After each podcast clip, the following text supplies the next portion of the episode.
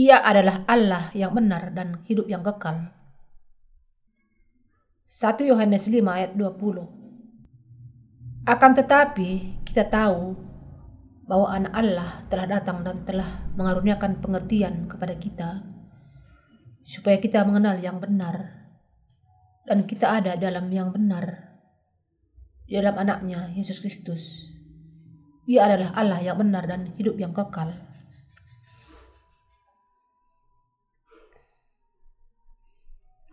Perhatikan firman kebenaran ini.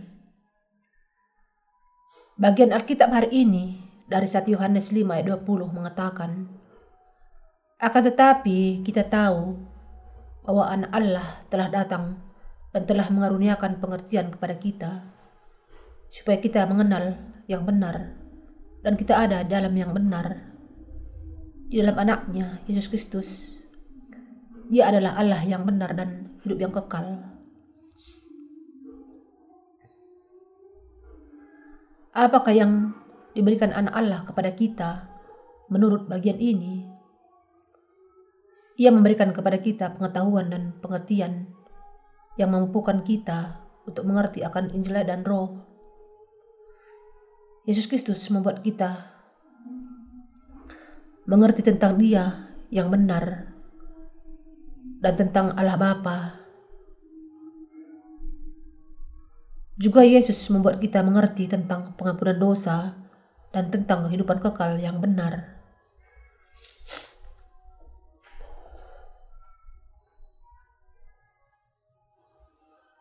Saya ingin membagikan dengan Anda semua tentang apa yang saya mengerti dan percaya dalam hati saya saat saya memberitakan firman Tuhan. Tetapi saya memahami pentingnya membagikan bagian yang intelektual dari firman kebenaran terlebih dahulu.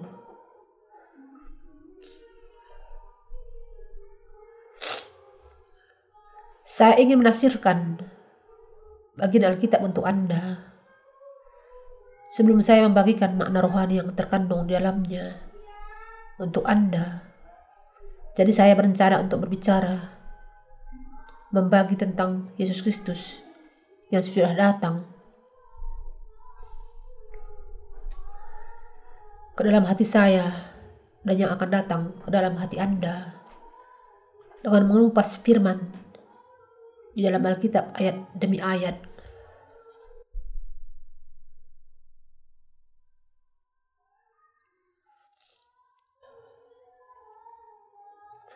Sekarang saya merasa bersyukur kepada saya bisa karena saya bisa membagikan dengan Anda firman kebenaran yang dipercayai oleh Rasul Yohanes.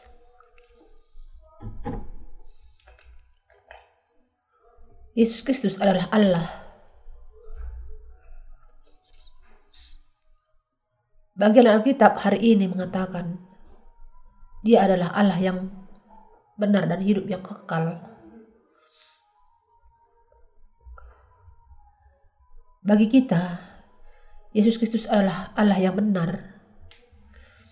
Yesus Kristus bukan hanya anak Allah, tetapi juga Allah yang benar, yang menciptakan alam semesta dan juga semua manusia, termasuk kita. Kita harus mengenal dan percaya bahwa Yesus adalah Allah yang benar, yang menciptakan alam semesta, termasuk Anda dan saya. Yesus Kristus adalah Allah yang benar bagi kita. Ia bukan hanya anak Allah, Bapa, tetapi juga Allah yang benar bagi kita. Sangat penting bagi kita untuk memahami dan beriman kepada kenyataan bahwa Yesus adalah Allah. Dengan itu, kita bisa memiliki iman yang rasional kepadanya karena Yesus adalah Allah. Kita harus percaya kepada kebenaran bahwa ia datang ke dunia ini menerima baptisan dari Yohanes Pembaptis dan mencurahkan darahnya di kayu salib untuk membebaskan kita dari segala dosa kita. Dia adalah Allah yang benar dan hidup yang kekal. Untuk percaya kepada Yesus sebagai juru selamat, kita perlu untuk pada dasarnya percaya bahwa ia adalah Allah dan bahwa ia menjadi selamat kita. Kita perlu memahami mengapa Yesus datang ke dunia ini, menerima baptisan dan mencurahkan darahnya, sehingga Anda dan saya bisa memahami kebenaran keselamatan dari segala dosa kita.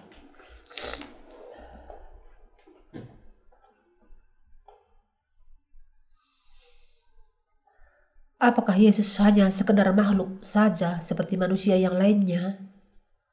Atau ia adalah pencipta manusia, tanaman dan hewan, matahari dan bulan, alam semesta dan semua yang ada di dalamnya?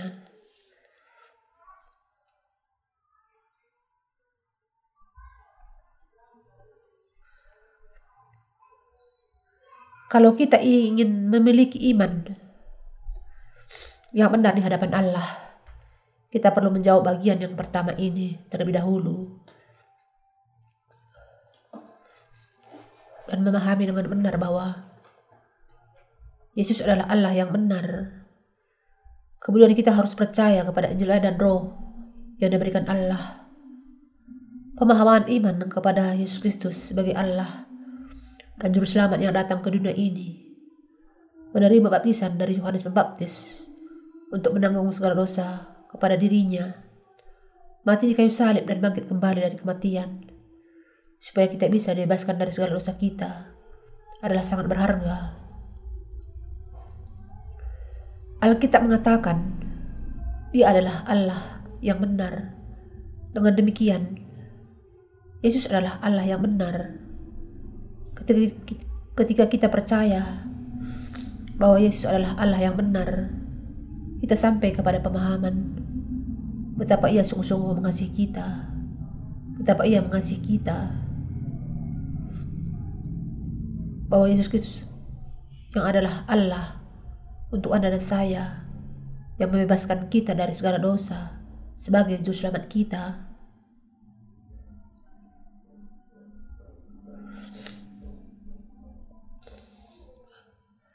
Rasul Yohanes mengatakan dalam 1 Yohanes 5 ayat 6 sampai 8. Inilah dia yang telah datang dengan air dan darah, yaitu Yesus Kristus. Bukan saja dengan air, tetapi dengan air dan dengan darah. Dan rohlah yang memberi kesaksian, karena roh adalah kebenaran.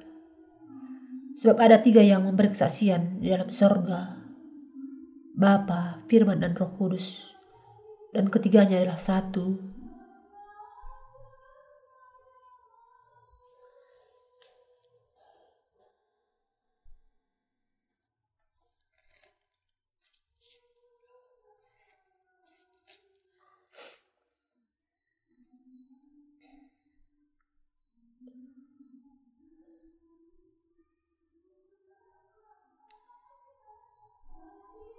Dan ada tiga yang memberi kesaksian di bumi, roh dan air dan darah, dan ketiganya adalah satu.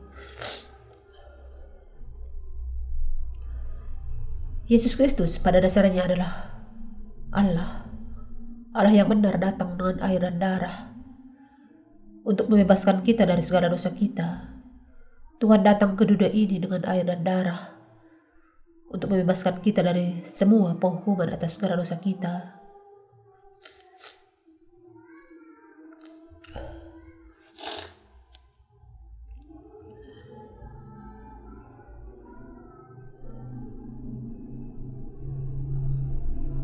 Tuhan datang ke dunia ini dengan air dan darah untuk membebaskan kita dari segala penghukuman atas segala dosa kita.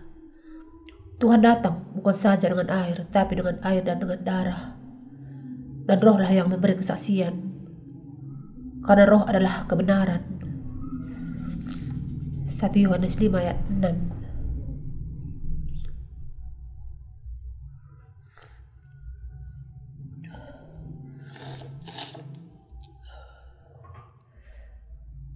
Meskipun Yesus pada dasarnya adalah Allah, ia datang ke dunia ini, menerima baptisan, mati di kayu salib,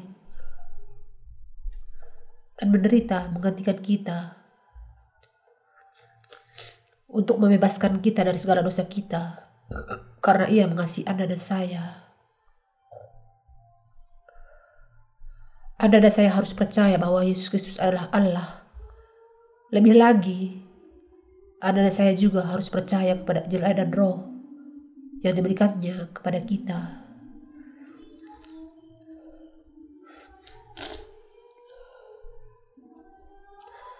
Bagaimana kita harus memenuhi hati kita yang kosong saat ini? Memang sangat menyenangkan dan mudah kalau kita bisa memuaskan hati kita dengan perkara-perkara dunia ini. Namun bagaimana kita bisa memuaskan hati kita dengan perkara-perkara dunia ini? Hati kita akan dibasahi oleh kasih Kristus dan merasa puas ketika kita mengetahui bahwa Yesus Kristus datang ke dunia ini dan menerima baptisan serta mati di kayu salib karena ia mengasihi kita. Iman kita kepada Injil dan Roh dengan demikian adalah sebuah keharusan.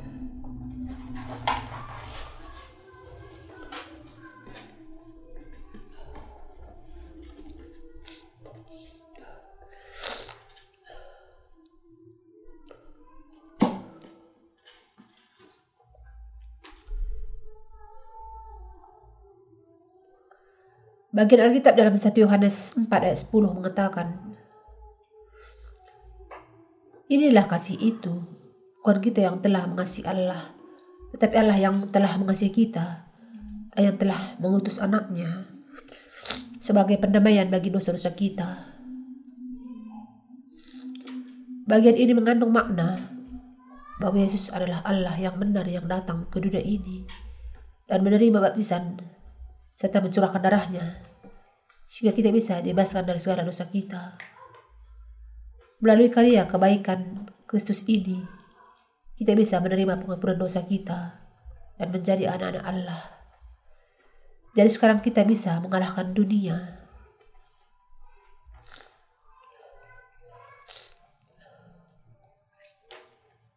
Rasul Yohanes mengatakan, Siapakah yang mengalahkan dunia selain daripada dia yang percaya bahwa Yesus adalah anak Allah?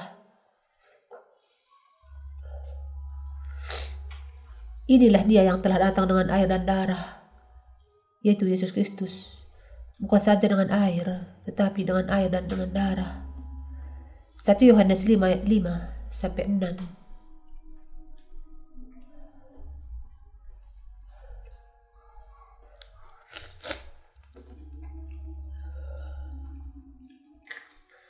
Kita bisa menjadi orang-orang yang dilahirkan kembali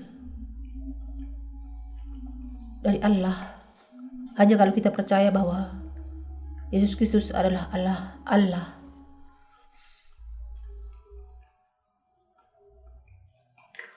Jadi Allah yang sudah benar mengasihi kita. Karena itu, ia menerima baptisan sehingga kita bisa dibebaskan dari segala dosa kita. Ia mencurahkan darahnya yang mahal.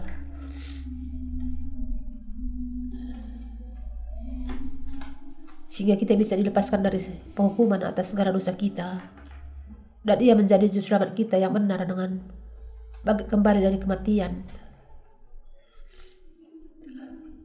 Kita bisa mengalahkan dunia dengan percaya kepada Injil dan Roh.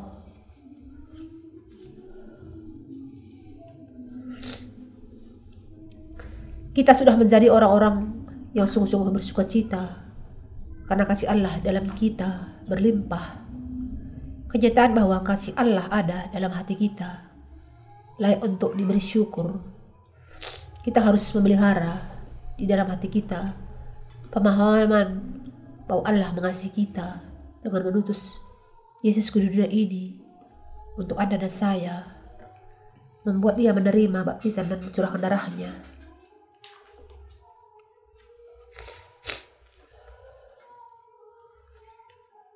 Rasul Yohanes mengatakan, demikianlah tinggal Ketiga hal ini, yaitu iman, pengharapan, dan kasih. Dan yang paling besar dari di antaranya adalah kasih. 1 Korintus 13 ayat 13. Lebih lagi, ia mengatakan,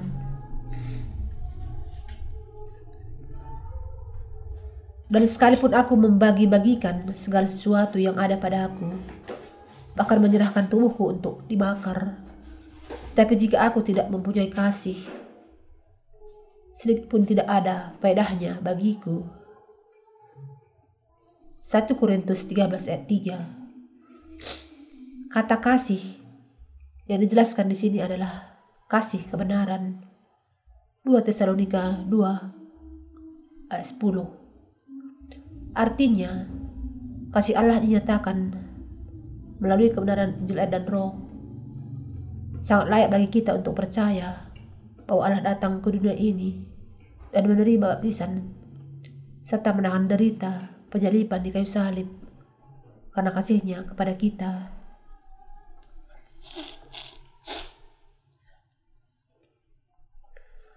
Yesus Allah yang benar sudah mengasihi Anda dan saya. Kasih itu berdiam di dalam hati kita dengan iman kita. Kalau kita tidak memiliki kasih itu di dalam hati kita, kita tidak ada apa-apanya. Karena Allah yang benar, yaitu Yesus sudah mengasihi kita, yang membebaskan kita dari segala dosa kita. Kita harus memelihara kasih Allah dalam diri kita selama kita hidup. Hanya dengan itu kita bisa memiliki kuasa untuk mengalahkan dunia. Meskipun kita menyerahkan tubuh kita untuk pekerjaan baik sampai dibakar habis, hal itu tidak ada pedahnya tanpa iman kepada kasih yang demikian. Seperti yang sudah saya tegaskan di depan, karena saya harus menjelaskan dengan terperinci apa yang dikatakan surat Yohanes pertama ini kepada kita saya mengupasnya ayat demi ayat. Sementara saya sengaja melakukannya. Saya khawatir bahwa ini akan menjadi terlalu intelektual. Meski demikian, saya tidak bisa tidak mengupas bagian ayat Alkitab untuk hari ini bagi Anda.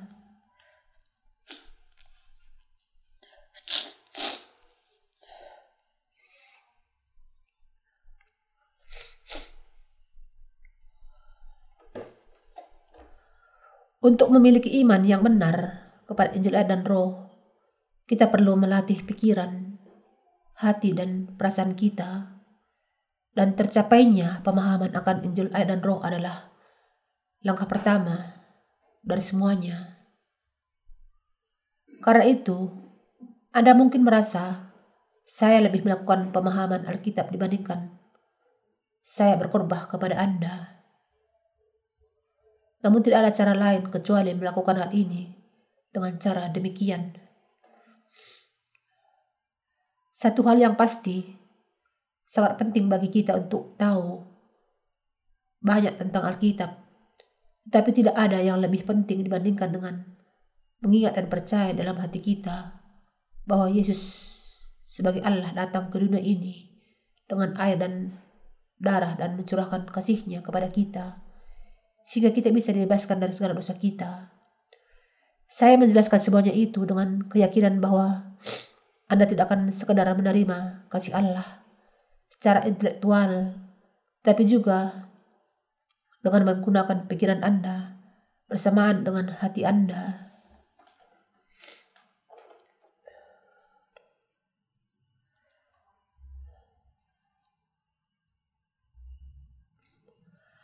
Rasul Yohanes mengatakan, setiap orang yang percaya bahwa Yesus adalah Kristus, lahir dari Allah, dan setiap orang yang mengasihi Dia yang melahirkan,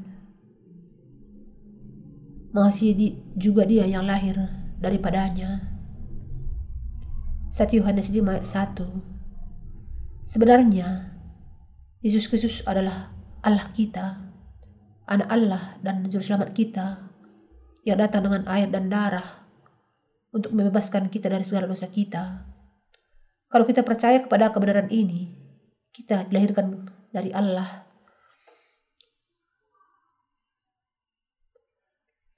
Apakah Anda dan saya dilahirkan dari Allah?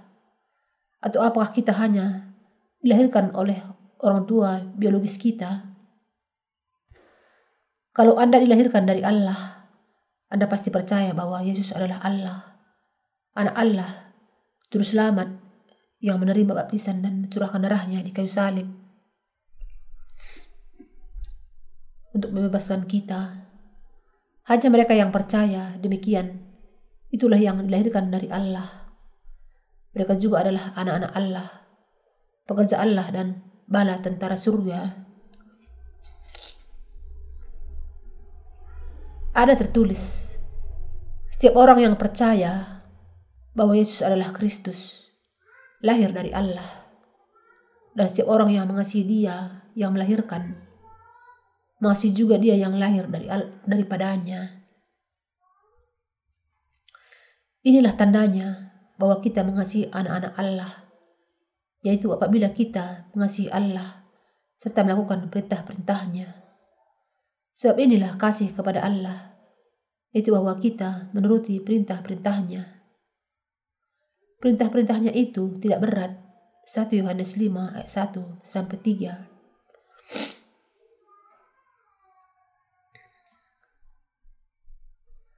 Mereka yang mengasihi dan percaya kepada Allah Bapa juga mengasihi Yesus Kristus, anak Allah Bapa.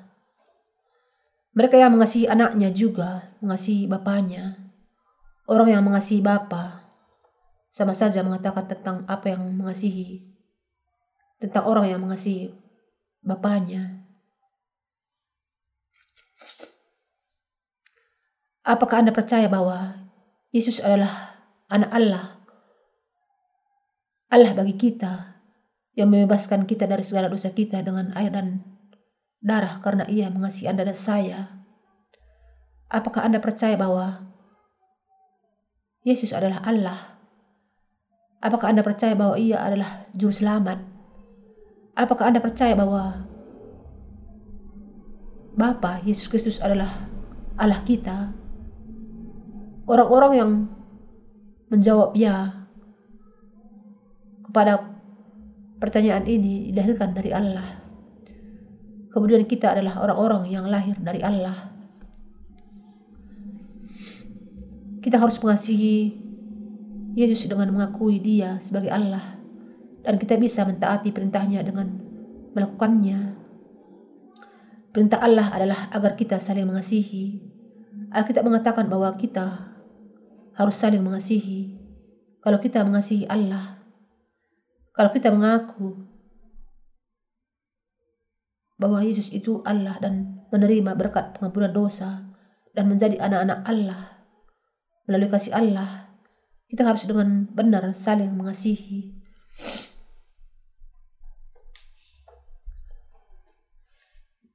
Kita tidak dipaksa untuk saling mengasihi.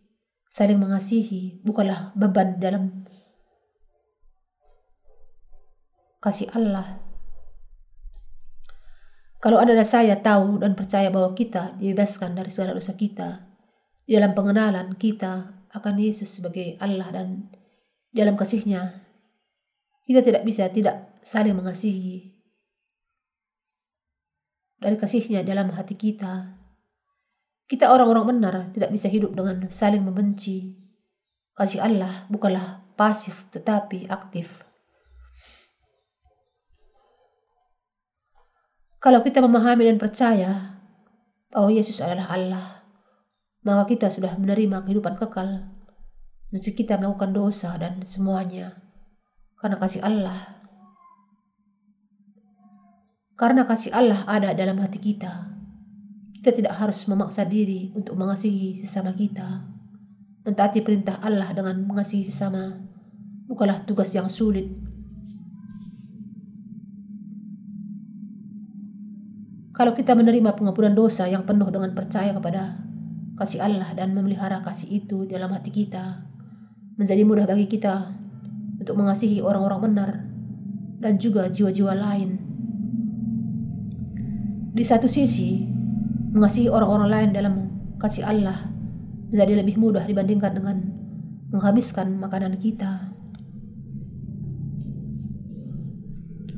Rasul Yohanes mengatakan, bahwa Yesus adalah Allah dan anak Allah yang membebaskan kita dari segala dosa kita dengan kasihnya dari dari air dan darah.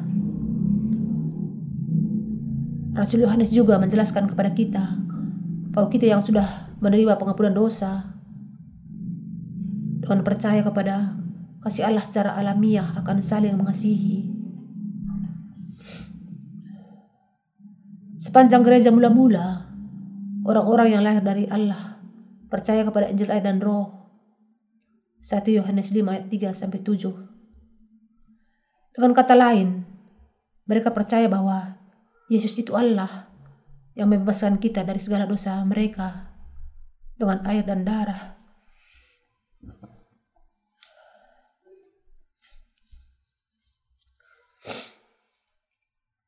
Di sisi lain, orang-orang yang tidak benar tidak percaya bahwa Yesus itu Allah dan tidak percaya kepada kasih pengampunan dosa yang penuh yang digenapi dalam air dan darah Yesus.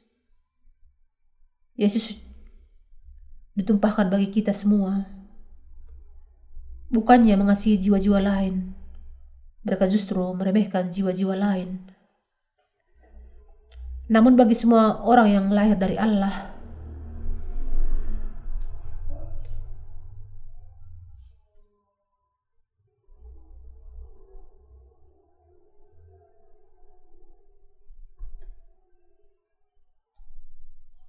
dengan air dan darah dan roh kudus, saling memahami dan memperhatikan, serta mengasihi itu bukan sesuatu yang sulit untuk dilakukan. Karena orang-orang yang benar bisa secara otomatis mengasihi sesamanya. Kasih itu menjadi konsisten. Kasih itu menjadi konsisten. Rasul Yohanes mengatakan bahwa mengasihi itu sama dengan mentaati perintahnya. Allah berbicara tentang kasih kepada kita dengan memerintahkan supaya kita saling mengasihi. Yesus Kristus pada dasarnya adalah Tuhan kasih. Kita harus memahami kasih Allah terlebih dahulu. Meskipun kadangkala muncul iri hati di antara orang-orang benar. Kita harus memahami bahwa pada umumnya kita saling mengasihi karena Yesus Kristus, Allah kita, yang pada dasarnya adalah Tuhan kasih.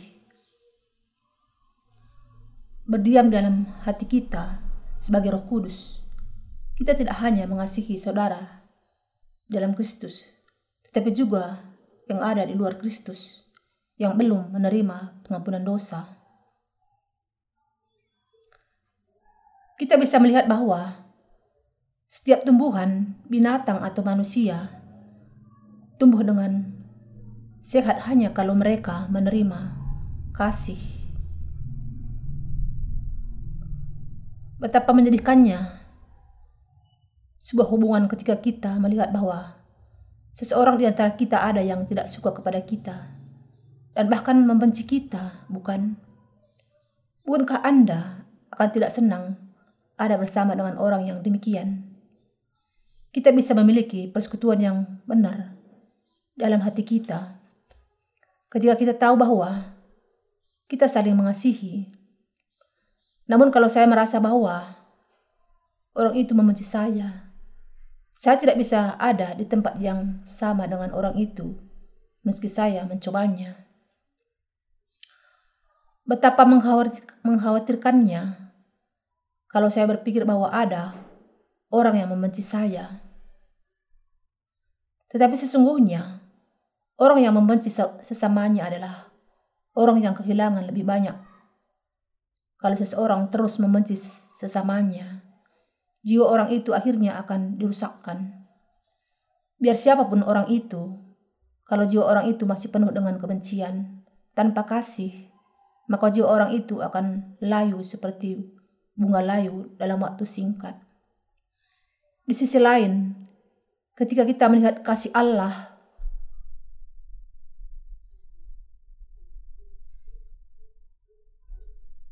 kepada sesama, jiwa kita bertumbuh. Saya yakin bahwa kita semua mengalami jiwa kita menjadi lebih sehat, lebih sukacita, dan lebih bersemangat saat kita membagikan kasih kepada saudara kita, para hamba Allah, dan bahkan jiwa-jiwa yang masih ada di luar Kristus. Kemenangan kita yang sebenarnya terletak di dalam kasih Allah.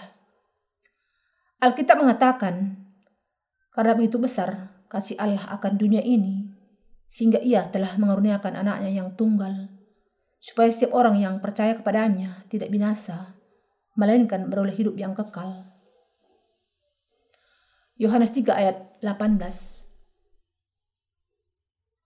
ayat 16 Kemenangan kita yang benar keselamatan kita yang benar, dan pekerjaan kehidupan baru kita ditetapkan dalam kasih Allah. Yesus Kristus sebagai Allah kita datang dengan air dan darah untuk membebaskan kita dari segala dosa kita, karena ia mengasihi kita. Ada dan saya harus percaya kepada kasih yang diberikan Tuhan kepada kita. Dengan itu, kita menjadi mampu untuk mengasihi jiwa-jiwa lain Kenyataannya, orang-orang yang percaya kepada Injil dan Roh sudah menjadi orang yang mengenakan kasih Allah. Allah terlebih dahulu mengasihi manusia. Allah mengasihi semua manusia dengan Injil dan Roh. Tetapi ada di antara manusia yang tidak mau menerima kasihnya dan tidak mau mengasihi dia. Mereka memperlakukan Injil dan Roh yang menegaskan bahwa Allah mengutus anaknya yang tunggal Yesus bagi keselamatan kita sebagai bukan apa-apa dan membuang Injil itu.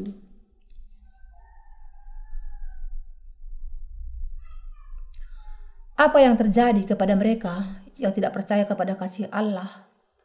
Bisakah seseorang yang tidak mengasihi Allah menerima berkat Allah dan hidup baik? Sama sekali tidak. Mereka akan menderita kesakitan yang lebih besar daripada penghukuman dan hukuman dari Allah.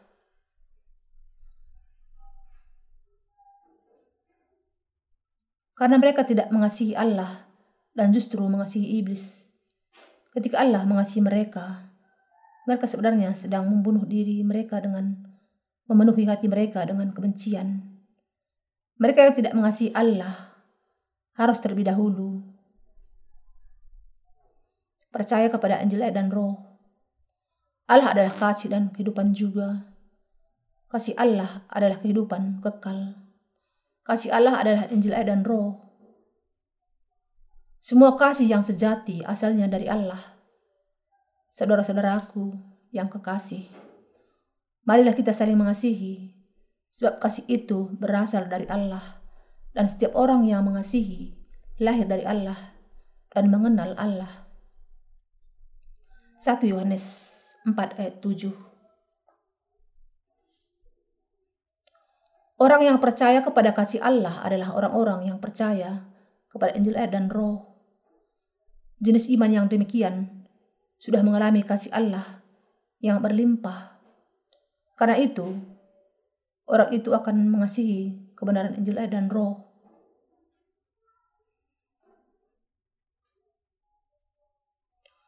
Kalau kita mengenal Allah dan mengenal kasih Allah, kita akan mengasihi Allah.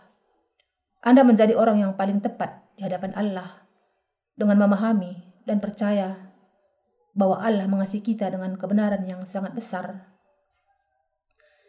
Kita harus menguji diri kita sendiri apa kita sungguh-sungguh mengasihi Allah? Jelasnya, orang yang mengenal kasih Allah tidak bisa tidak mengasihi Allah. Karena Allah adalah Allah kasih.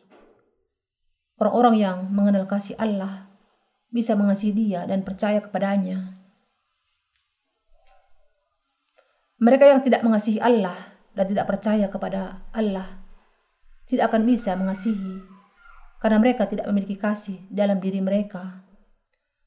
Mereka yang menyangkal bahwa Yesus itu Allah dan bahwa Allah sangat mengasihi mereka adalah orang-orang yang tidak percaya kepada Allah dan justru melawan Dia.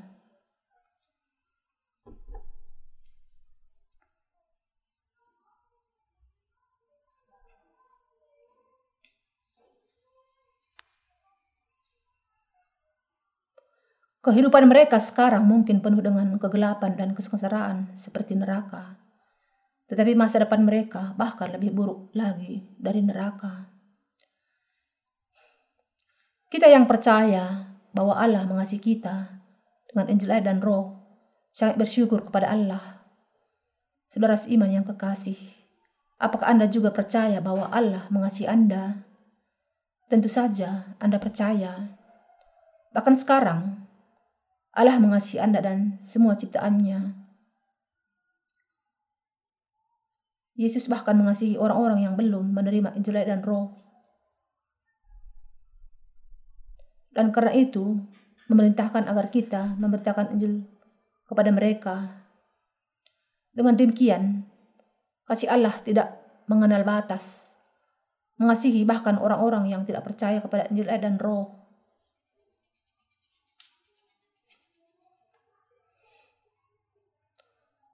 Namun masalahnya ada di dalam diri orang-orang yang mengabaikan kasih Allah. Kadangkala orang-orang itu bercampur bersama dengan orang-orang kudus di dalam gereja Allah. Mereka berpura-pura dilahirkan kembali, tetapi sebenarnya mereka salah. Mereka adalah seteru Allah.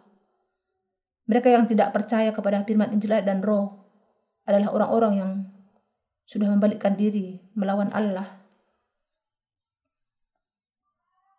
Mereka tidak mengalami kasih Allah karena ketidaktahuan mereka akan Injil yang benar.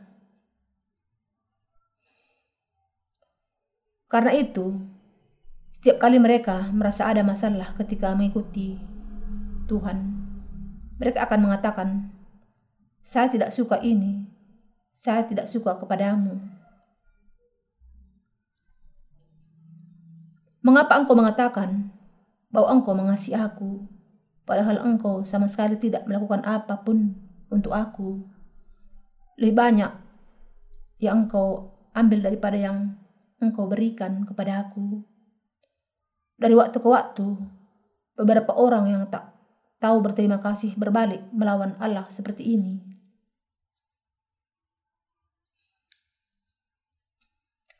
Tetapi saudara seiman yang kekasih, berpikirlah dengan sesama Semua yang ada di dalam diri Anda berasal dari Allah. Allah sudah memberikan kepada kita semua berkat. Dan karena itu, ia juga memiliki otoritas untuk mengambil sebagian dari diri kita. Sebagaimana Alkitab mengatakan, sebab segala sesuatu adalah dari dia, dan oleh dia, dan kepada dia. Bagi dialah kemuliaan sampai selama-lamanya. Roma 11 ayat 36. Kita juga berasal dari dia dan kembali kepadanya. Pada dasarnya tidak ada di dunia ini yang sebenarnya adalah milik kita. Apakah bahkan kekasih kita itu sungguh-sungguh milik kita? Mereka milik Allah. Anda dan saya jangan sampai berbalik melawan Allah. Allah mengasihi Anda. Allah Bapa menunjukkan inti dari kasihnya melalui baptisan Yesus, curahan darahnya di kayu salib dan kebangkitannya dari kematian. Yohanes 3 ayat 16 mengatakan,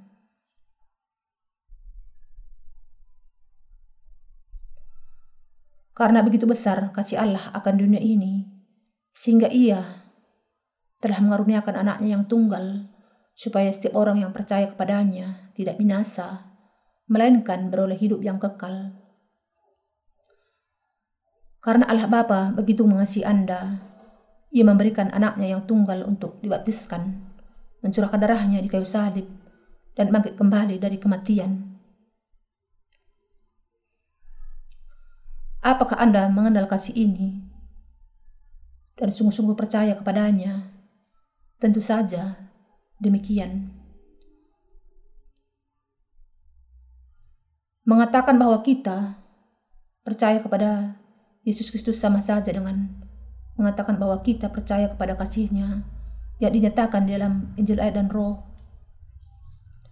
Kita percaya bahwa Yesus Kristus begitu mengasihi kita, sehingga ia menerima baptisan dari Yohanes Pembaptis, mati di kayu salib, dan bangkit kembali dari kematian untuk menjadi raja segala raja. Bahkan pada kenyataannya, tidak sulit untuk mengenal dan percaya kepada Yesus. Ketika kita memandang kepada Allah yang Sang Pencipta segala sesuatu di alam semesta ini, kita akan memahami keilahian Yesus. Dikatakan di dalam Alkitab bahwa Allah menciptakan langit dan bumi pada awalnya. Karena Allah begitu mengasihi kita, ia menjadi juru selamat yang kekal dengan datang ke dunia ini dalam rupa manusia, menerima baptisan, menggantikan kita, mati dengan mencurahkan darahnya di kayu salib, dan bangkit kembali dari kematian. Selama Allah hidup, maka keselamatan kita tidak akan pernah dibatalkan. Inilah kasih Allah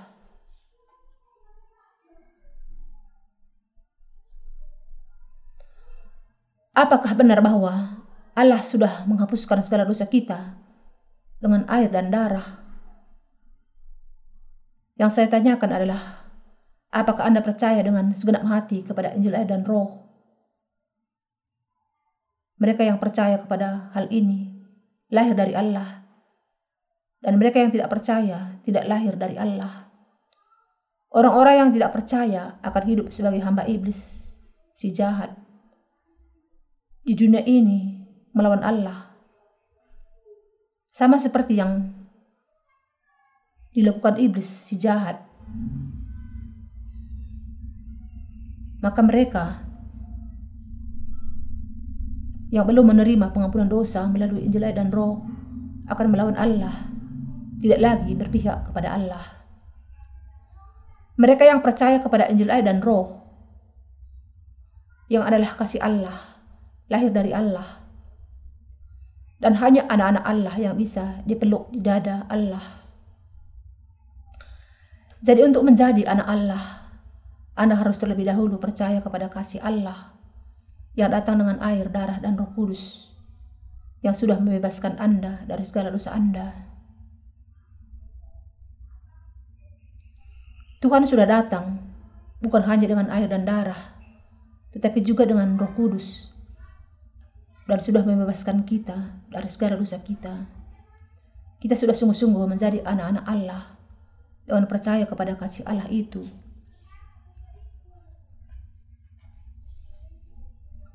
Allah mengatakan bahwa ada bukti keselamatan bagi orang-orang yang percaya kepada anak Allah. Kita perlu memiliki di dalam hati kita bukti bahwa kita menerima kasih Allah. Kita harus memiliki bukti keselamatan di dalam hati kita dengan percaya bahwa Yesus Kristus yang datang dengan air, darah, dan roh kudus adalah Allah kasih dan juru selamat kita. Orang-orang yang percaya bahwa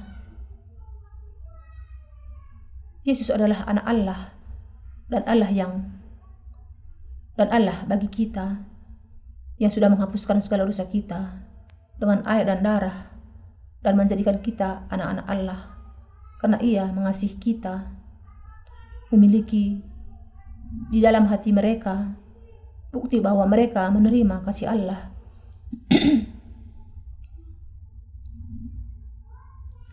Di bagian akhir dari ayat Alkitab di dalam 1 Yohanes 5 ayat 20 mengatakan, Dia atau Yesus adalah Allah yang benar dan hidup yang kekal.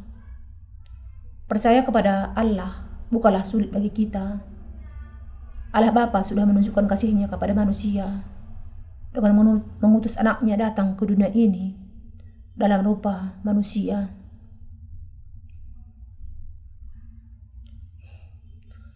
Meskipun Yesus datang ke dunia ini dalam rupa manusia, ia adalah Allah yang sejati. Rasul Yohanes mengatakan, dunia dijadikan olehnya, Yohanes 1 ayat 10.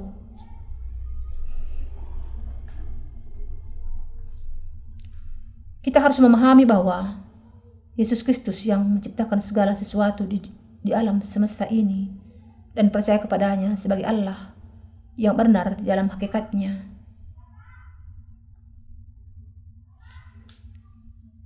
Kita harus memahami dan percaya bahwa Allah yang benar Yesus itu sudah menghapuskan segala dosa kita dan memberikan kehidupan kekal karena kasihnya. Yesus adalah Allah kasih yang benar. Allah ini datang kepada kita dengan kasihnya dan membebaskan kita dari segala dosa kita. Allah sudah menjadikan kita sebagai umatnya dengan kasihnya dan memberikan kepada kita kehidupan kekal. Allah menghendaki agar kita semua menjadi anak-anak Allah dengan percaya bahwa Yesus adalah anak Allah dan Allah yang benar dan ia adalah juru selamat dan bah dan bahwa kasih Allah datang kepada kita dengan air, darah dan Roh Kudus. Saudara seiman yang kekasih, Anda harus percaya kepada kasih Allah itu tanpa meninggalkan satupun bagiannya. Saya berharap bahwa Anda akan bisa menjadi umat Allah sepenuhnya dengan percaya bahwa Tuhan itu Allah. Saudara seiman yang kekasih, saya yakin bahwa Anda menjadi pemilik keselamatan yang benar dengan iman Anda kepada kebenaran Injil dan Roh yang adalah kasih Allah dan juga dengan iman Anda bahwa Yesus adalah Allah. Saudara seiman yang kekasih, saya berharap bahwa Anda tidak jatuh ke dalam penyembahan berhala dengan menempatkan iman Anda kepada kebenaran Injil dan Roh